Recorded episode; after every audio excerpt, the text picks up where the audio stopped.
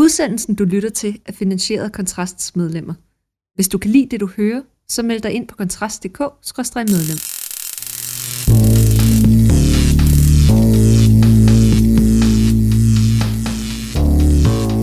Hvordan skaber man et liv, som giver værdi og som giver mening? Og med hvilke globale trends og nye teknologier kan vi trumfe tradition og vanetænkning? Velkommen til Tændt, podcasten, hvor vi stiller skarp på vilje og skaber trang.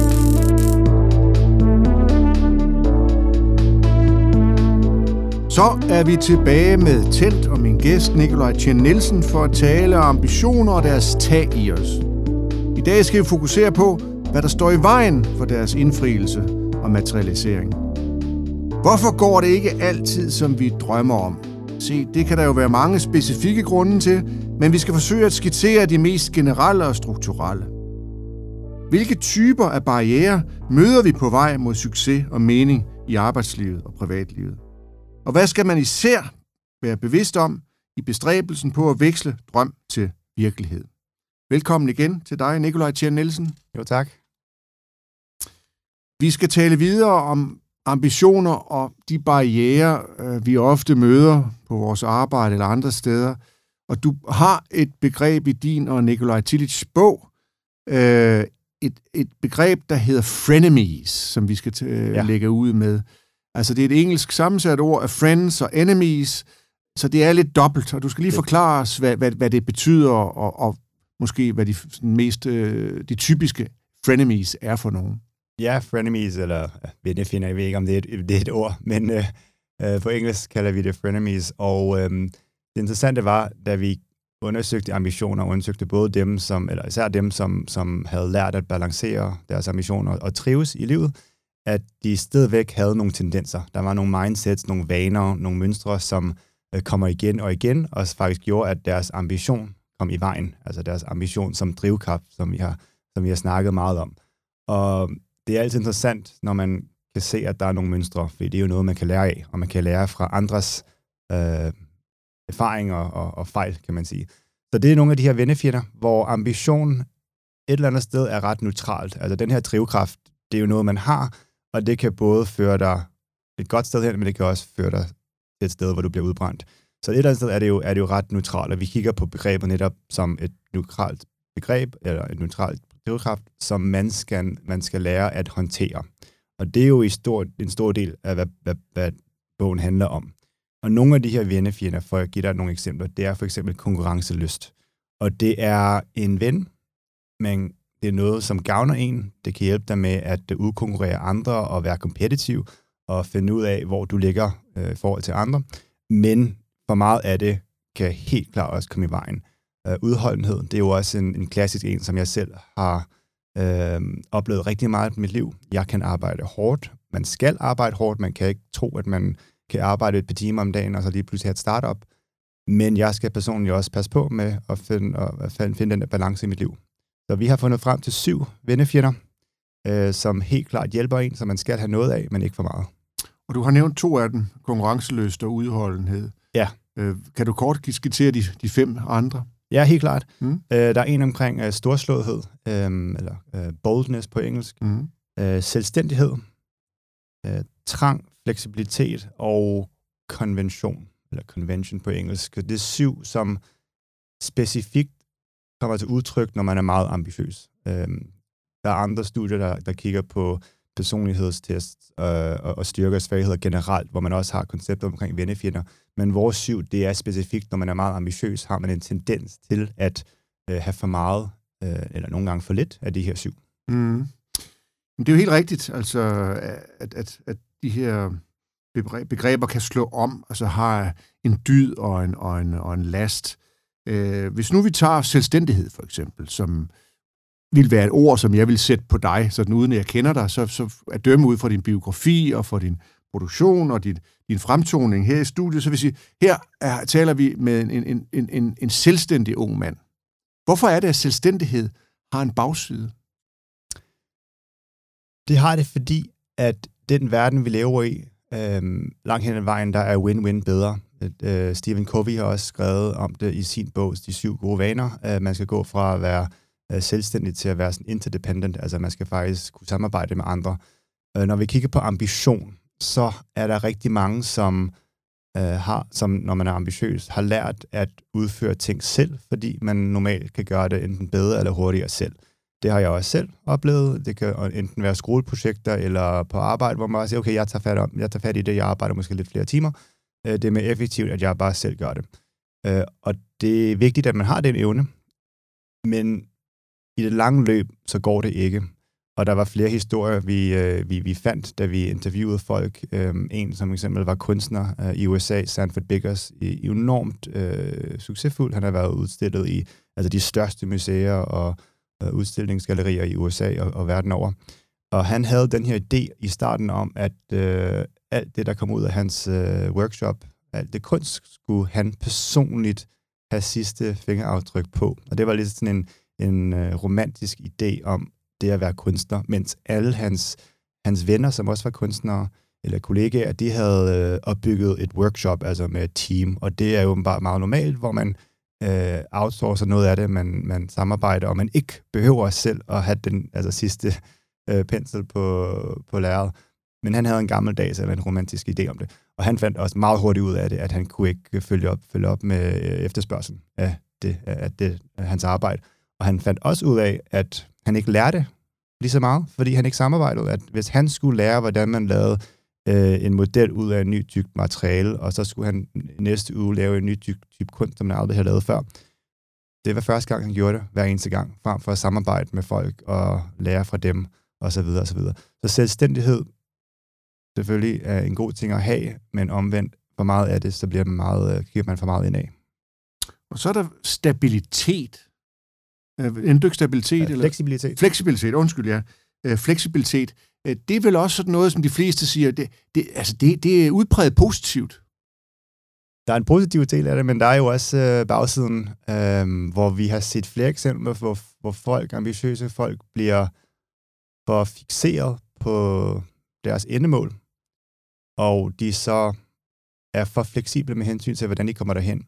Så der var en, øh, øh, en influencer, Rachel Brathen, som øh, online yoga influencer. Hun har øh, mere end 2 millioner følgere på hendes øh, forskellige medier, på Instagram for eksempel. Og hun har snakket meget om, hvordan hun i starten brugte de billeder og de videoer, som hun vidste ville få mest opmærksomhed. Og det handlede om at sende noget meget idyllisk om nogle strande, og her er jeg om morgenen med min friskpressede juice og, lave, og dyrke yoga. Og det kunne hendes fans rigtig godt lide, eller der var i hvert fald mange, der delte det og, og kunne lide det. Og så var der en dag, hvor hun havde det skidt personligt. Øhm, hun snakkede om, at hun havde været ude dagen inden og festet lidt, og hun, hun lavede så en post om, at, øhm, at hun havde det skidt. En meget ærlig post, at øh, det er måske ikke, ikke alt sammen, som, som det ser ud. Og så var der rigtig mange følgere, som sagde, du er så uautentisk, og hvordan kan det være yogainstruktør? Øh, jeg vil ikke følge dig længere. Og det var svært for hende at miste følgere, men hun sagde, det, var, det føles rigtigt, altså det føles mere autentisk. Så hun måtte lære at, at, øh, at, at balancere det der med, hvor man får mest opmærksomhed i forhold til det, der er mest autentisk for hende selv. Og i det lange løb er hun meget mere glad, og hun sagde også, at hendes følgere, som så ender med at følge hende gennem godt og ondt, er jo øh, de, de, de trofaste og dem, som rent faktisk gerne vil lære fra hendes øh, oplevelser. Du nævnte også storslåethed som sådan en frenemy boldness på, på engelsk. Øh, hvordan, hvordan skal vi oversætte det? Altså, hvad, hvad er det, der er plus og minus her i den ligning der? Ja, vi snakkede jo lidt øh, i den første episode om, at vi øh, overvurderer, hvor meget vi kan på, på et år, og jeg tror, der er mange, øh, mig selv inklusiv, som, som er nogle gange for optimistiske, øhm, og jeg tror bestemt, eller især det gælder, når vi tænker startups. Jeg tror, hvis man kigger på startups, øh, det er utrolig svært, det er ikke det, men at man som regel undervurderer, hvor mange penge man egentlig skal bruge for at få det op at køre, og man undervurderer ressourcer generelt, og man undervurderer, hvor lang tid det kommer til at tage. Man siger, at det tager et år at lave et program, og så ender det med at tage mindst to. Så storslåhed, eller sådan at være for optimistisk, eller for at tro på meget, at man kan kontrollere fremtiden, det, er jo, det har vi måske en tendens til, hvis vi har et meget klart mål, at tænke, hvis jeg bare gør A, B og C, så skal det hele nok øh, falde på plads. Noget af det her, du fortæller om, altså det, at du kan se øh, fordele og ulemper ved, ved nogle af tidens modeord, øh, får mig til at tænke, at, at jeres bog på sin vis er et opgør med noget af den øh, management-litteratur, der findes øh, i lufthavnen, måske især Ja. lige Ayakoka. Øh, da jeg var dreng, der var det ham med, med Chrysler-chefen der, der Ja. skrev sin bog. øh, Den hed sikkert My Way, eller noget af den Ja. stil. Ikke? Skåret over den amerikanske fortælling, hvor, hvor, hvor de, øh, de øh, frenemies, du nævner, sagtens kunne optræde. Altså, du skal være øh, konkurrencelysten, du skal være udholdende, du skal være storslået, du skal være selvsikker, du skal være selvstændig, du skal have den der indre trang, og du skal også være fleksibel. Men I vender det jo lidt på hovedet. Ja. Er det et opgør med, med den øh, lufthavnslitteratur, hvis jeg må være så fri, der findes inden for marketing og, og ledelse og sådan noget? Det kan man godt sige. Uh, vi er meget påpasselige med ikke at sige, at der er én model til, hvordan man skal leve livet. Det handler om bevidste valg. Og øhm, det er det samme tema med min, min seneste bog, som jeg udkommer med, med Lars Tvede, som handler om fremtiden og hvordan man kan navigere den og fremtidens organisation. Og der er vi også meget påpasselige med ikke at sige, at det her, det er fremtidens organisationsmodel. Fordi der er for mange bøger, der snakker om agile og holocracy, og man skal være, man skal være den her model, og så skal du nok lykkes i fremtiden. Vi siger, generelt set, så er der nogle store skift i omverdenen, i fremtiden, i, i samfundet. Og her er der i, i den seneste bog 10 store skift, som organisationer bør overveje og tage nogle bevidste valg omkring. Med hensyn til ambition, så er det lidt det samme. Her er en måde at tænke over din ambition på. Her er der, store, her er der syv øh, frenemies, som du måske, du har nok tænkt over, over nogle af dem før, men måske ikke alle sammen. Tag nogle bevidste valg og lære nogle ting om dig selv, og, og så leve et bedre liv frem for at sige, du skal blive selvstændig, eller du skal gå på universitet, eller hvad det nu skal være.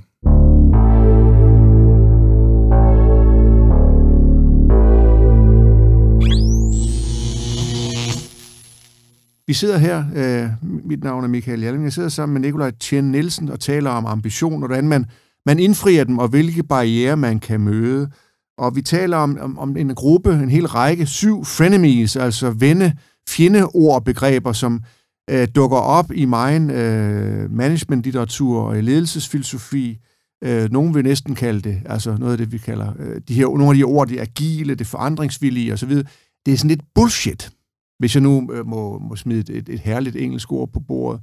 Altså, jeres tilgang til, hvordan man håndterer ambition, lyder lidt som en op, et lille stille opgør med bullshit-litteraturen. På en måde, ja. På en måde, ja, det kan man godt sige. Altså, der er rigtig meget materiale derude, som jeg ikke synes er særlig imponerende. Der er også rigtig meget godt materiale, men det er svært at finde, at finde vej i junglen. Og det er jo også en af de ting, der driver mig frem personligt med det, jeg har været øh, igennem, og alle de ting, jeg har lært. Øh, jeg er meget taknemmelig for det, og det, jeg vil gerne bringe nogle af de ting ud til verden, måske på en anden måde, omkring øh, personlig udvikling og omkring lederudvikling. Gennem de for eksempel 10 år i McKinsey, jeg har arbejdet med altså 10.000 vis af ledere og hjulpet med at udvikle dem. Så hvordan kan jeg komme med nogle redskaber, folk kan bruge? Så jeg, er meget, jeg tænker meget på den der kritiske tankegang, øh, hvad, hvad, hvad er der faktum, og hvad har man bare en fornemmelse af? Og jeg tror desværre, at der er mange bøger, som netop er lidt bullshit, eller i hvert fald ikke øh, øh, undersøgt godt nok. Man kan også igen gribe fat i nogle slogans, som, som er blevet værmandseje. Jeg tænker for eksempel på Nikes slogan med Just Do It. Det er jo ikke altid, man bare lige kan gøre det, og det er vel jeres bogs budskab af, at ambition kan man ikke nødvendigvis bare lige indfri. Øh, det er ikke nok bare at være konkurrencelysten, det er ikke nok bare at være udholdende. Tværtimod, så er nogle af de der slogans, de virker kontraproduktivt i, i et liv, normalt liv. Ja, altså en af de ting, jeg har lært med at arbejde med mennesker og ledere, det er, at, at mennesker er, er komplekse. Vi har forskellige behov, og vi lever i forskellige realiteter, så det er ikke nemt bare at sige, gør X eller Y, eller just do it, fordi øh, der kan være nogle meget specifikke ting, som holder en tilbage, om det så er en vennefjende, eller øh, noget, man har oplevet i barndommen, eller om det er noget om en realitet, man har nogen, man skal, man skal tage hånd om, eller man har nogle forpligtelser. Det er, jo, det er jo fornemt, eller for eksempel bare at sige, at her er der en plan at, at, at, at, som at udføre. Så for mig er det, jeg, jeg prøver også altid at, at kigge på den der kompleksitet, eller hele mennesket, når jeg har en kollega, eller en, har med en klient, eller øh, hvis der er en, som måske er svær at arbejde med. Altså, der er nok noget bag i øh, det, der foregår. Øh, selvom det måske er lidt af et røvhul til mig på det tidspunkt, så er der nok noget, der ligger bag i det, og hvordan kan man komme ned til det og hjælpe dem i, i den forstand. Og de erfaringer, du trækker på, og I trækker på i jeres bog, øh, er det fra unge mennesker, eller er det fra ældre mennesker? Man skulle jo tro, at ældre mennesker havde, de må alt lige have flere erfaringer. Er det især deres råd, I har, I har lyttet til? Det er nok øh, mest henvendt sig til folk under 45, groft, groft sagt. Øh, lad os sige 25 til 45. Der er også en, en alder, hvor man er lidt for ung, eller man ikke har gjort sig nok. Man er ikke mod nok til at tage nogle store overvejelser, fordi man bare skal opleve verden. Altså, man skal bare ud og prøve nogle forskellige ting, og man ved ikke, om man vil det ene eller det andet. Og det er jo også sundt i sig selv. Folk, de øh, udvikler sig i forskellige tempoer. Så det er nok primært den 25-45-årige en ting, jeg nogle gange bliver spurgt om, det er, hvorfor man går igennem personlige udviklingsforløb, og det er meget ukomfortabelt, og er det overhovedet det, det hele værd? Altså hos terapeuter, eller? Ja, generelt. Ja, altså, generelt. hvorfor skal jeg tænke over de her ting, og okay. hvorfor skal jeg læse ja. bøger, eller tage snakke ja. med en coach? Uh, min erfaring er, det er, at man sandsynligvis kommer til at finde frem til det samme spørgsmål, men måske bare 10 år senere. Så det handler netop om at, at igen tage de der bevidste valg, men også undgå, at man kigger tilbage, når man er 45 og siger, okay, jeg har faktisk øh, fortrudt det her, eller jeg var ikke risikovillig nok, eller jeg tog nogle forkerte, for forkerte valg. Så det er ligesom, at man presser sig selv på det svære spørgsmål. Det er u- ukomfortabelt, men at man så måske som 35-årig kan, kan prøve nogle ting af, frem for at vente 10 år senere. For jeg tror ikke, at det går væk, hvis man virkelig har noget, man gerne vil med sit liv, eller man har nogle drømme eller ambitioner. Jeg tror ikke, at man, det går væk. Jeg tror tværtimod, at man så som 50-årig stadigvæk føler det, at man har en stemme i hovedet, som man nok har øh, holdt op med at lytte til, eller har valgt flere gange ikke at lytte til, men stemmen er der nok stadigvæk. Ja, for du har jo selv, kan man sige, været igennem en mindre transformation. Først ville du være fodboldspiller, professionel fodboldspiller, det var da du var ung. Så ville du gøre akademisk karriere, lynkarriere, det lykkedes sådan set også.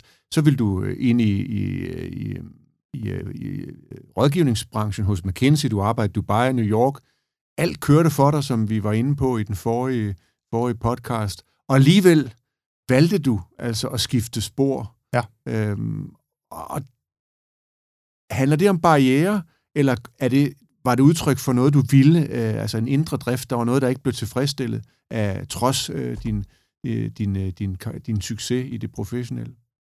Men der var helt klart en vennefirma omkring convention, altså den, hvor ja. man, man er låst ind i en ret fast struktur, og man ved, hvad der forventes af en, og hvad, øh, hvad der ser godt ud på papiret. Ikke? Hvis man er i skolen, er det jo ret klart, at man får en kandidat, og man får nogle gode karakterer. Hvis man er hos McKinsey, så bliver man partner. Øh, det er jo det, man skal, man, der, man, skal, man skal gøre. Og hvis man er bankmand, eller hvad det nu, hvad, hvad det nu end er.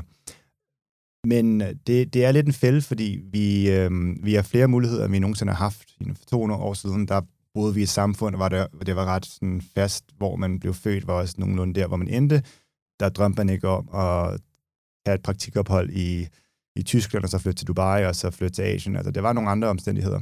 Så i, i dag har vi flere muligheder, men det gør også, at der er mere ansvar for at, at stille sig selv de spørgsmål, fordi du har netop de muligheder, og du skal netop tage mere fat om, om dit liv. Så jeg var lidt låst ind i convention som en vennefjende, som jeg måtte bryde ud af. Øhm, og den den, øh, de næste trin, jeg så tog efter, efter McKinsey, det var meget og stadigvæk nu omkring at opfylde det økonomiske, øh, så jeg får mere tid og mere frihed og mere fleksibilitet. Ikke nødvendigvis for at arbejde mindre, eller måske lidt mindre, men netop for at bruge den frie tid til at øh, opbygge for mig online kurser, skrive flere bøger, gøre de ting, som jeg ved, jeg kan bidrage med, øh, og som jeg trives med. Og så ved vi jo godt alle sammen, Nikolaj, at den tid, vi lever i lige nu, det kan godt være, at vi har flere muligheder, der, vi taler måske flere sprog, eller vi taler engelsk øh, og kan begå os øh, i den globale sammenhæng, men, men vi lever også øh, i en tid, hvor, hvor, hvor altså gas og alt muligt andet er steget. Vi har en historisk inflation. Vi har en krig øh, ikke så langt herfra i Ukraine. Vi ved ikke, hvordan den ender. Det er der ikke nogen, der gør. Øh, der er altså øh, der er krise øh, mange steder, ikke mindst i erhvervslivet. Hvordan, hvordan skal man holde fast i sin ambition i sådan en, i sådan en, øh, en, en recessionskultur? Altså, hvordan kan man tro på, at tingene godt kan lykkes, når der i forvejen er en masse barriere, altså som du er inde på med de her frenemies. Så kommer der en krise oveni. Er det så ikke bedre at sige, ej, ved du hvad, jeg tager sgu lige en på langs? Ja, det er måske det nemme svar, men øh, altså en ting, det er, at man skal have et radikalt fokus på det, man kan kontrollere. Så der er visse ting, vi ikke kan kontrollere. Øh, samfundet, økonomien. Øh, det gør ikke, at man ikke skal forholde sig til den. Man skal jo selvfølgelig stadigvæk gøre det, og hvis man bliver skuffet eller eller har en følelse ked af det, eller hvis der er noget, der sker, er det jo en del af at være menneske. Men man skal ikke gøre situationen værre, end den er. Så jeg vil sige, at den første ting, som vi taler meget om, og også generelt en af mine livsfilosofier, det er at kontrollere det, jeg kan kontrollere, og ikke gøre en, en situation værre, end den egentlig er. Øh, altid nemmere sagt end gjort, men, gjort, men det, det gør, at man ikke er victim, øh, ofre, men altså, det er mere, at man, man, man, man skaber sit eget liv. Når det så er sagt, så tror jeg også, det er vigtigt, at man formår at kigge på de forskellige tendenser. Og når man kigger på de lange tendenser over 100 år, så bliver verden bedre. Den bliver bedre, den bliver rigere, vi får flere um, valgmuligheder, øh, og som samfund har vi det bedre, der er færre kriger osv. osv. Øhm, og det er måske ikke øh, særlig opmuntrende i dag, når der er nogle realiteter på, sådan on the ground, men det gør, at man stadigvæk skal forholde sig til sin ambition om de næste 5 eller 10 år. Man skal ikke give, give op. Man skal stadigvæk tænke på, hvordan kan jeg komme derhen? Måske tager det et år senere, altså et år mere. Øhm, det gør det så for de fleste. Jeg vil stadigvæk den vej hen. Ja, nu lægger jeg jo mærke til, at du øh, gentagende gange siger fem år. Og vi var lidt inde på det her med nytårsforsætter, altså at øh, de, de er nemme at, at love, og de er svære at efterfølge. Det er svært at ændre noget grundlæggende på et år.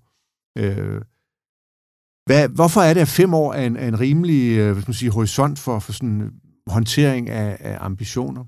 Ja, altså det her det er ikke noget, der er sådan, øh, vi har lavet studie på, men øh, det, det skal være en balance mellem noget, man øh, stadigvæk, stadigvæk kan øh, se for sig selv, uden at øh, altså det bliver for langt, og det skal heller ikke være de næste 12 måneder, fordi så bliver det sådan for, for, for taktisk, kan man sige. Så jeg min erfaring, det er 3-5 år. Det er en god øh, sådan mellemlang periode, hvor man kan være ambitiøs, rigtig ambitiøs, men også realistisk omkring det. Altså hvis man brækker det ned i 60 måneder, er det jo sådan lige pludselig ret håndgribeligt til, om det er noget, man kan eller ikke kan. Så 3-5 år for mig, det har altid virket ret godt. Jeg har stadigvæk nogle livsfilosofier øhm, øh, omkring, hvad jeg gerne vil, øh, eller hvor jeg gerne vil hen om 20-30 år. Hvor stadigvæk man skal have det, men det er jo langt mere diffust end noget der de næste for eksempel tre år. Kunne det være, nu springer jeg lidt for i, i tidshorisonten, altså kunne det være øh, at blive øh, økonomisk uafhængig? Det har vi haft en podcast om tidligere. Det er jo en bevægelse, der, der øh, altså vokser for tiden, og, og der, er måske også nogle, der er måske også flere muligheder i dag for at blive økonomisk uafhængig og, og trække sig tilbage øh, i en yngre alder end tidligere. Øh, er det sådan noget, du, du også har i, i baghovedet? Ja, det er det. Det er det helt klart for mig personligt. Øh, økonomisk uafhængighed øh, vil opbygge nogle øh, digitale kurser og andre medier, som, øh, som selvfølgelig kan sælge sig selv, eller hvor jeg ikke behøver at bruge tid hver gang, der er en, der skal ud, der skal tage et kursus. Det er meget anderledes, end når det er rådgivning øh, live. Øh, skabe en familie øh, og, og dyrke nogle hobbyer. Så det er det der hele billede, som jeg har i hovedet lige nu. Podcasten er betalt af Kontrasts medlemmer. Kan du lide, hvad du hører? Så bliv medlem på kontrast.dk til en god intropris. Vi har brug for din støtte. Nikolaj Tjen Nielsen, altså vi har jo sådan overordnet og forsøgt nu her at indsnævre det her med, øh, talt om, om ambitioner og, og barriererne og, og og så også om krisetid, og du holder fast i, at man skal, man, skal, man skal dyrke det, man kan kontrollere. Man skal prøve at skære alt det andet væk. Det, som man alligevel ikke har indflydelse på, det, kan, det, det, det må man jo overlade til, til skæbnen eller til andre, øh, til tilfælde måske. Øh, hvorfor er det, hvis nu må stille et dumt spørgsmål igen øh, her imod, hen imod slutningen, altså hvorfor er det egentlig, at ambitioner, der jo, vi er jo enige om, at det er noget, vi er givet øh, fra, fra naturens hånd. De fleste af os har den, 9 ud af 10, som vi har været inde på tidligere. Hvorfor er det egentlig, at ambitioner kommer til at stå i vejen for, for deres egen indfrielse? Hvorfor er det, at vi kan have for meget ambition? Øh, fordi ja.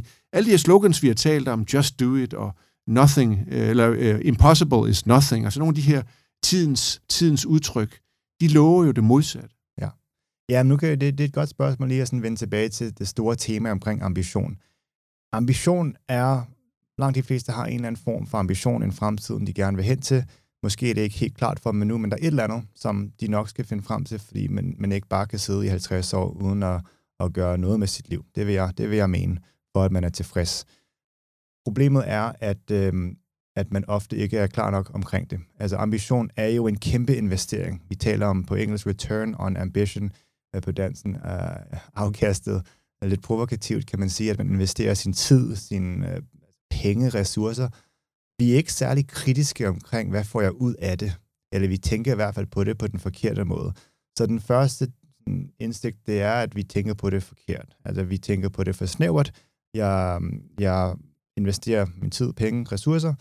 Øhm, jeg er træt, jeg er udbrændt. Hvad får jeg ud af det? Man tænker kun på for eksempel arbejdspladsen eller præstation. Der mangler man velvære, og man mangler vækst. Så den første øhm, lesson learned for mig, det er, eller det vi fandt ud af i bogen, det er, at man skal kigge bredere og tænke på afkastet i forhold til præstation, vækst og velvære. Det er kun med at have de tre ting med, at man øh, er tilfreds i det lange løb. Så den første problemstilling, det er, at man, man går den mod den, altså i den forkerte retning. Ens ambition skubber en i den forkerte retning, øhm, fordi man ikke har tænkt nok over det, og man har ikke kritisk sat sig ned og sagt, øh, hvor, hvor højt scorer jeg ud af 10 på de her tre områder. Og når du siger vækst, så tænker du på personlig, personlig vækst? Personlig vækst, ja. Lærer jeg noget, er udfordret, er jeg out of my comfort zone, ja. Så det er altså en værdi i sig selv, det der med at, at udfordre sig selv øh, intellektuelt og åndeligt også. Ja, det er det. Øh, de tre ting, altså vækst, velvære og, og, og præstation, de er ret, altså hver af de tre er ret, ret omfangende. Øh, betydeligt mere omfangende end work-life balance, for eksempel. Det synes jeg er et virkelig dårligt begreb. Fordi ja, hvorfor?